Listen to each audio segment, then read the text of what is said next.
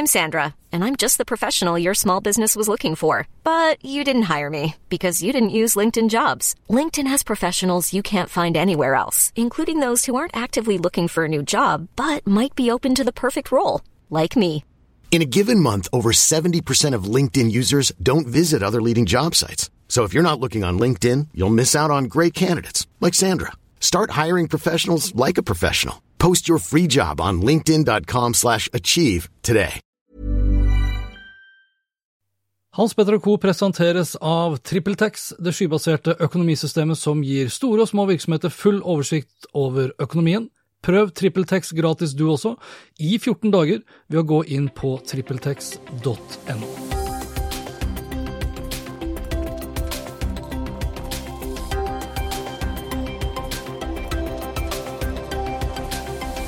Hovedsakene i denne episoden er norsk islamkritiker saksøker Facebook for intet mindre enn 10 milliarder kroner for det hun kaller krenkende utestengning. Vi skal se nærmere på fem netthandelstrender du bør følge med på. Huaweis smarttelefonsalg er ned 40% men uforandret i annerledeslandet Norge. Og vi tar for oss alt du trenger å vite om Facebooks nye kryptovaluta, Libra. Velkommen til Hans Petter og co. Jeg heter Hans Petter, og denne episoden ble spilt inn onsdag 19. juni. Lenker til alt jeg snakket om og øvrige innslag finner du selvsagt på hanspetter.info. Husker du Merete Hodne? I 2016 nektet hun å klippe håret til Malika Bayan fordi hun brukte hijab. I rettssaken som fulgte fikk hun juridisk bistand fra den eh, ganske så kjente advokaten Per Danielsen. Og siden den gang så har ikke Merete ligget på latsiden. Som en aktiv islamkritiker har hun, i likhet med veldig mange andre, tatt til Facebook for å ytre seg om bl.a. den store faren muslimer og islam representerer. Og det har ført til at Facebook valgte å utestenge henne i 30 dager. Årsaken var et bilde av den engelske ytre-høyre-aktivisten Tommy Robinson med den følgende teksten 'Free Tommy' sammen med en lenke til en artikkel fra BuzzFeed. Facebook responderte på innlegget med følgende tekst før hun ble utestengt. Ingen andre kan se innlegget ditt. Vi har standarder for å oppfordre folk til å uttrykke seg selv og komme i kontakt med hverandre på en respektfull måte. Og nå krever altså da Hodne en oppreisning på ikke mindre enn 10 milliarder kroner, eller da 323 millioner kroner for hver dag hun ikke får lov til å ytre seg på plattformen til Mark Zuckerberg. Advokat eh, Per Danielsen omtaler det hele som en krenkende utestengning. Merete og Per saksøker Facebook i USA, det internasjonale kontoret til Facebook i Dublin, Facebook Norge og sjefen sjøl, Mark Zuckerberg. Advokat og ekspert på medierett Jon Wesselås sier til NRK at det vil overraske han om hun får medhold. Så skal vi over til noe litt mer seriøst, hvis du vil. Netthandel. Altså netthandel, e-handel, online-handel, eller bare handel. Nordmenn handler stadig mer via internett, og stadig mer av internetthandelen foregår via mobilen. I 2018 så vokste netthandelen i Norge med 14% og sto for omtrent 66% av den totale årsveksten i detaljomsetningsindeksen til Statistisk sentralbyrå. Og det er en økende tendens til at du handler mer på nett og mindre i butikk. Det gir oss større frihet, mindre friksjon, mindre stress og gjerne bedre utvalg, for å nevne noen få faktorer, og gjerne også da lavere pris. Men det er ikke bare overgangen fra det å handle i en butikk til det å handle på nett som er interessant å følge og se på. En stadig mer digital hverdag tilrettelegger også for helt andre innovative måter å drive butikk på, eller å handle på, hvis du vil. Og på hanspetter.info så har jeg skrevet om fem netthandelstrender som jeg mener er verdt å følge ekstra nøye med på i tiden fremover. Jeg skal ikke gå gjennom det i detalj her, men jeg anbefaler deg å gå inn på hanspetter.info, og lenke til saken finner du også i bloggposten for denne episoden her. Men i korte trekk handler disse fem netthandelstrendene om mobilhandel, Altså stadig flere av oss bruker mobilen når vi skal handle, enten til å handle over nett eller som et hjelpemiddel når vi handler i butikk.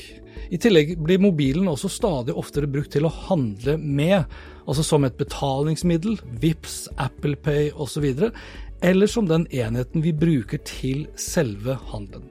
Salesforce eh, har gjort en undersøkelse basert på 500 millioner netthandelskunder globalt, og andelen netthandel via mobil i Norden er større enn det globale perspektivet, på over 50% Nummer to, det er sosial handel, eller da sosiale medier-handel. Altså veksten innen handel over sosiale plattformer, som f.eks.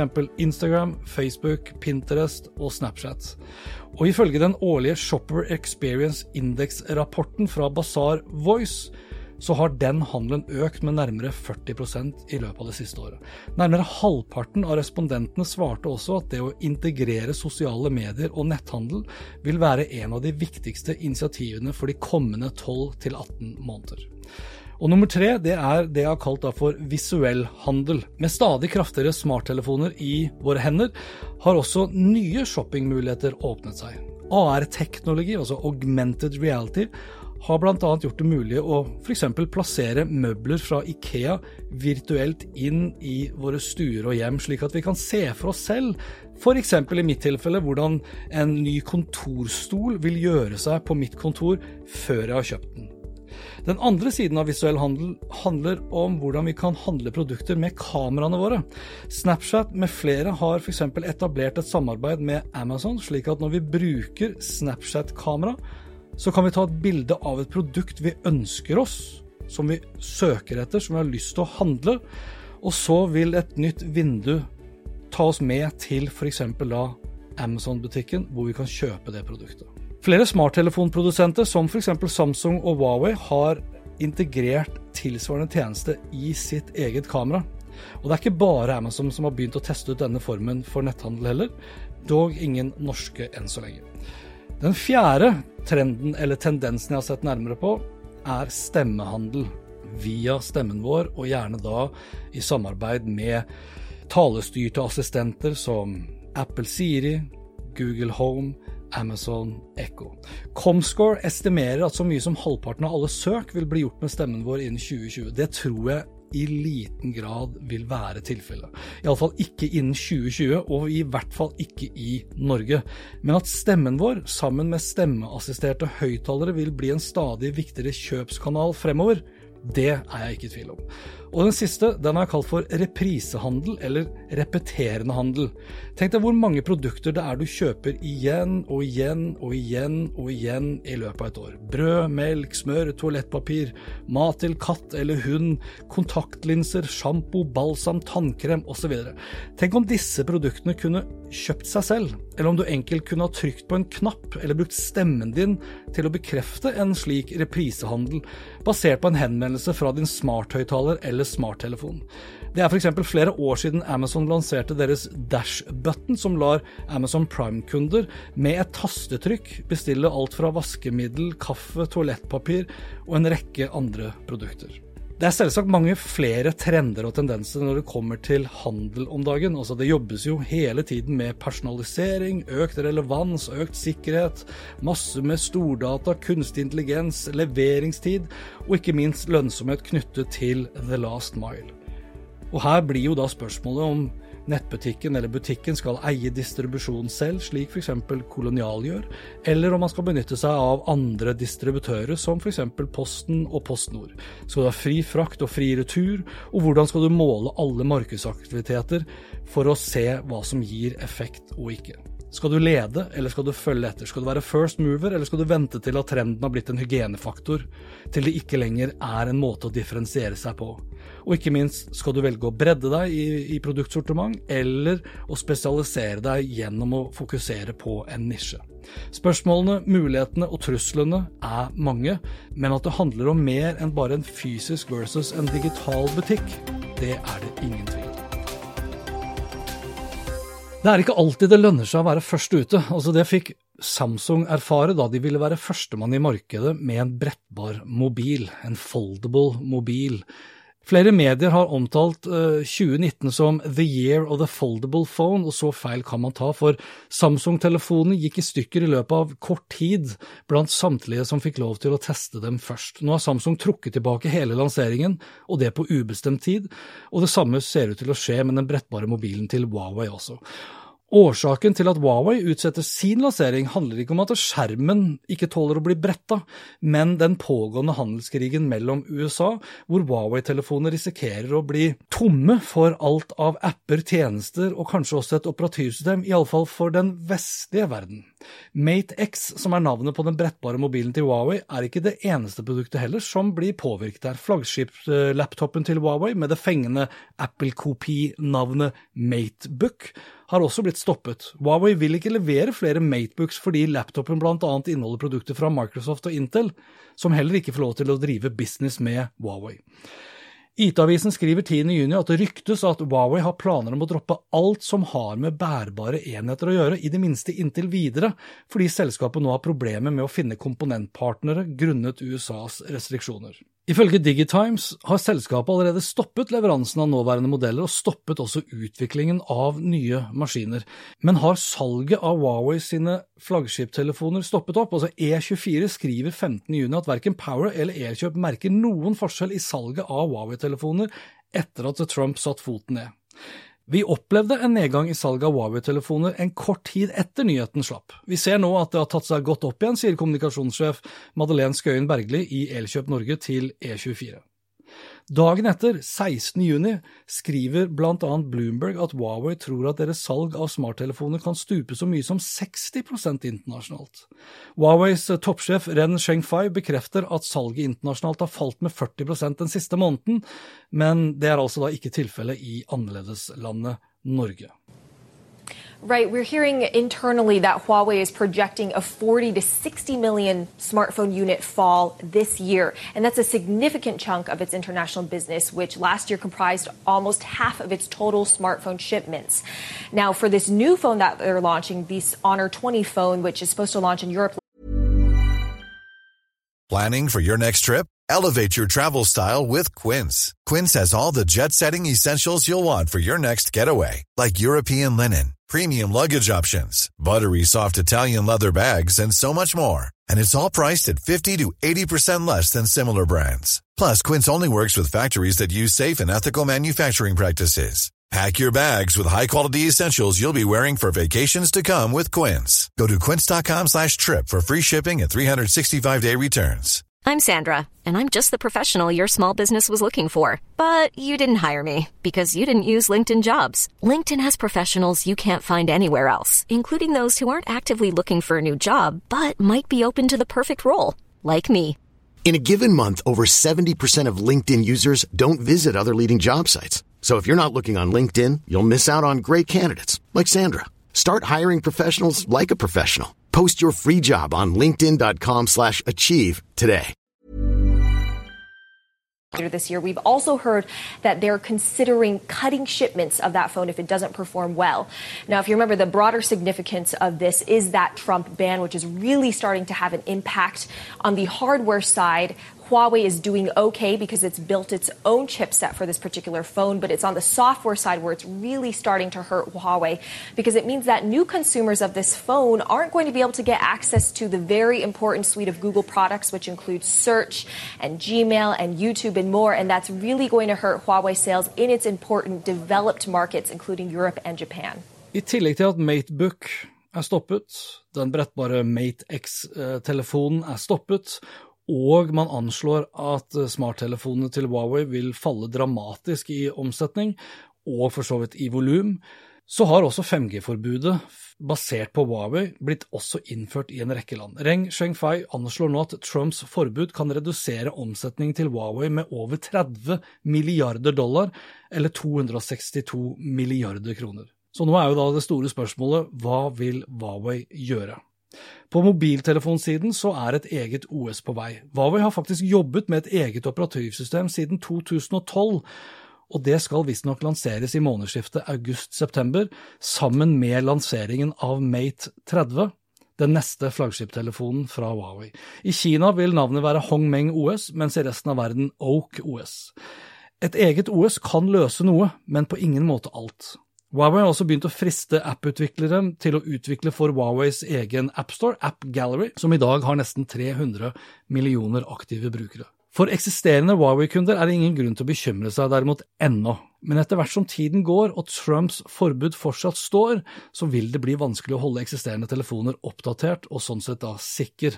Og for potensielle nye kunder blir usikkerheten bare større og større. Vil Oak OS f.eks. være et godt nok operativsystem? Vil App Gallery inneholde de appene du forventer, inkludert alt av apper og tjenester fra amerikanske selskaper, være seg Facebook, Snapchat, Instagram, WhatsApp, LinkedIn, Google osv.? På den positive siden hvis Oak OS blir et skikkelig bra operativsystem, som får bra gjennomslag i og utenfor Kina, så kan det også bety starten på slutten for Androids tilnærmede monopol på operativsystem for smarttelefoner. Altså, Apple har en marginal markedsandel globalt sammenlignet med Google, og flere konkurrenter er jo som regel positivt for oss forbrukere. Mr. Who's The Boss, som han kaller seg på YouTube, publiserte en veldig god video 15.6 som går mer i dybden på hvordan Huaweis OS potensielt kan erstatte Android, og lenke til videoen finner du selvsagt på hanspetter.info. Huawei has been blacklisted from working with US companies, including Google, because of apparent security concerns. It's already had a massive effect here in the UK. Huawei was cut from the 5G launch lineup how on earth can Huawei compete in the smartphone market without working with Google, the company that owns Android? It all starts in a villa in Shenzhen in 2012, where behind closed doors there was a top secret meeting with a group of high level Huawei executives. They decided there and then that a new proprietary operating system 18.6, som forventet, bekreftet Facebook i en pressemelding at de vil lansere sin egen kryptovaluta, og da i 2020. Og jeg skal innrømme at jeg har vært ganske så skeptisk til hele dette prosjektet. Altså, Tilliten til Facebook er ikke helt på topp, for å si det mildt. Tilliten til kryptovaluta som sådan er heller ikke der den kanskje burde være. Altså, Bitcoin som en kryptovaluta går så det griner nå, men mest av alt som en valuta som det fungerer å spekulere i og ikke handle med. Og en kryptovaluta over blockchain, basert på ende-til-ende-kryptering over Facebook Messenger eller WhatsApp, er jo på mange måter en perfekt måte å hvitevaske penger på, eller handle utenfor myndigheters reguleringer, viten, innsikt og lov. Men det ser ut som Facebook har vært smartere enn som så. For det første vil Libra, som er navnet på den nye kryptovalutaen til Facebook, være en såkalt stablecoin. En valuta som er festet i verdi mot bl.a. dollar og euro, for å unngå de voldsomme verdisvingningene som vi har sett med bl.a. bitcoin. Og Det kan faktisk føre til at Libra kan bli et bedre alternativ til enkelte lokale valutaer som har en tendens til å svinge mye, f.eks. i enkelte utviklingsland. For det andre så planlegger Facebook å lagre en pengereserve i Libra Reserve, en tilsvarende løsning slik vi er kjent med fra andre sentralbankers pengereserver. Og Dette skal bidra til å sikre en bred global aksept, samtidig som det skal gjøre det enklere å påse at det blir lav volatilitet i valutaen, hvilket betyr mindre risiko. For det tredje har ikke Facebook tenkt å gjøre det her aleine. Tvert imot, de har gått sammen med en rekke andre aktører, 28 totalt nå i dag, og innen 2020 og lanseringen så håper de på ca. 100 partnere. Per dags dato så er kjente merkevarer som Visa, Mastercard, PayPal, Stripe, eBay, Spotify, Uber, Vodafone og kryptobørsen Coinbase partnere som er med. For det fjerde så vil kryptovalutaen være basert på en egen blokkjede med samme navn, Navnet på den digitale lommeboken, som vil bli en del av både Facebook Messenger og WhatsApp, vil bli kalt Kalibra. Og for det femte så vil Facebook bruke de samme verifikasjonsmetoder og hvitvaskingsprosesser som vanlige banker og kredittkort bruker. The future is private har blitt Facebooks nye mantra, og Calibra vil kun i tilfeller hvor det handler om brukernes sikkerhet, eller hvor loven krever det, dele kontoinformasjon eller finansielle data med Facebook eller andre tredjeparter uten brukernes samtykke. Facebook er veldig tydelig på at ingen informasjon fra den digitale lommeboken vil bli brukt bl.a. til å målrette reklame. For mange er fortsatt grunnleggende finansielle tjenester også utilgjengelig for dem. Nesten halvparten faktisk av verdens befolkning har ikke en bankkonto i dag, og andelen er enda større i enkelte utviklingsland, og da spesielt for kvinner. Og det har jo en stor pris. Nærmere 70% av de mindre bedriftene i utviklingsland mangler således tilgang til kreditt, og migranter og innvandrere mister så mye som 220 milliarder kroner som forsvinner til transaksjonsgebyrer. Facebook skriver i pressemeldingen at de fortsatt er i en tidlig fase i utviklingen av Calibra, men hvis du derimot ønsker å være blant de første til å ta i bruk, teste ut kryptovalutaen, så kan du registrere deg på calibra.com for å motta mer informasjon. Lenke finner du selvsagt også på hanspetter.info. Jeg runder av denne episoden med noen kjappe overskrifter. Petter Bae Brandtzæg, førsteamanuensis i medier og kommunikasjon ved Universitetet i Oslo og sjefsforsker ved Sintef Digital, har skrevet en god kommentar i Aftenposten om lite gjennomtenkte ytringer i kommentarfeltene, og da spesielt på Facebook. Han skriver her om hvordan vi som mennesker tenker både fort og langsomt, og den evige kampen mellom disse måtene å tenke på. Og Det er spesielt den første, hvor vi tenker fort, den impulsive og refleksive atferden, hvor individet har liten opplevelse av vilje og kontroll. Når ting går for fort, som på Facebook, blir vi dummere og mer impulsive, skriver Petter, og Facebook-formatet, dessverre, krever slike umiddelbare tilbakemeldinger. Apple er fortsatt verdens mest verdifulle merkevare i 2019. I Forbes sin oversikt over de 100 mest verdifulle merkevarene finner vi seks teknologiselskaper blant topp 10 og 20 blant topp 100. Alle de fem største er teknologiselskaper Apple, Google, Microsoft, Amazon og Facebook. Størst fremgang har Amazon hatt år over år, med 37% vekst i verdi, mens Facebook på femteplass har en negativ vekst år over år på 6 Telenor-sjef Sigve Brekke skrev en god kronikk i E24 for en drøy måned siden om de etiske AI-dilemmaer vi må takle, og det er særlig fire problemstillinger han mener vi må drøfte.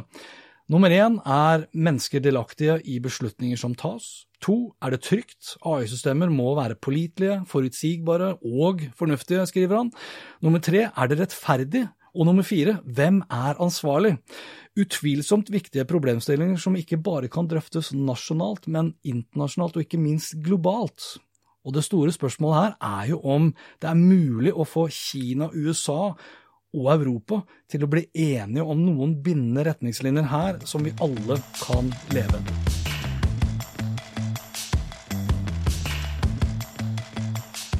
Hey, I'm Ross from the Google Home team, and I'm so excited to show you the newest member of our family, Google Home Hub. It's thoughtfully designed for any room in your home. The 7 inch display appears to be floating. Its compact size fits naturally on any surface. Two mics deliver far-field voice recognition, and the ambient EQ light sensor allows Hub to match the colors For alle som har gått og ventet på at Google Home Hub, eller Nest Hub, som det nå er det korrekte navnet, skal bli tilgjengelig i norske butikker, så har tidspunktet altså kommet nå. På Google sin egen nettbutikk kan du kjøpe smarthøyttaleren med skjerm for 1299 kroner. Ifølge MacRumors planlegger Apple å lansere tre nye iPhone-modeller i løpet av andre halvår 2020 som vil støtte 5G. I 2021 tror analytiker Ming-Chi Ku at alle iPhone-modeller vil støtte 5G, og at Apple først vil ha sine egne 5G-modemer klare i 2022 eller 2023, fem år etter bl.a. Huawei og Samsung. Og mens vi er inne på Apple, selskapet vurderer altså nå å flytte så mye som 30% av produksjonen deres ut av Kina, og det uavhengig av hva som måtte skje i handelskrigen mellom Kina og USA. Og som en siste sak hva gjelder handelskrigen mellom de to supermaktene, Trump bekrefter nå at han vil møte Xi Jinping under G20-møtet som nå finner sted i Osaka i Japan 28. til 29 juni.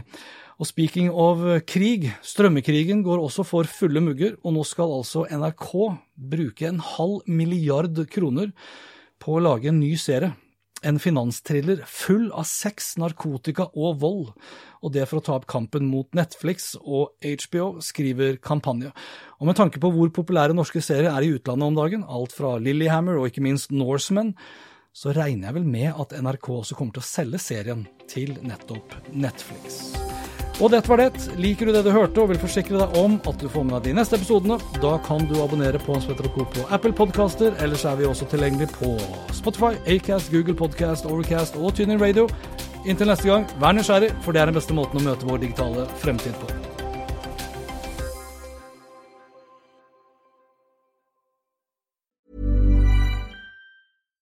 My business used to be weighed down by the complexities of in person payments. Then, Tap to Pay on iPhone and Stripe came along and changed everything. With Tap to Pay on iPhone and Stripe, I streamlined my payment process effortlessly. Now I can accept in person, contactless payments right from my iPhone. No extra hardware required. What's truly remarkable is how I can cater to all of my customers' payment preferences. Whether they're using cards, Apple Pay, or other digital wallets, Tap to Pay on iPhone and Stripe ensure a smooth checkout experience every time. And it's not just me. Stripe helps businesses of all sizes, from local markets to global retailers, scale quickly and stay agile. To learn how Tap to Pay on iPhone and Stripe can help grow your revenue and reach, visit stripe.com slash tap iPhone. Why don't more infant formula companies use organic, grass-fed whole milk instead of skim? Why don't more infant formula companies use the latest breast milk science? Why don't more infant formula companies run their own clinical trials? Why don't more infant formula companies use more of the proteins found in breast milk? Why don't more infant formula companies have their own factories instead of outsourcing their manufacturing? We wondered the same thing. So we made ByHeart, a better formula for formula. Learn more at byheart.com.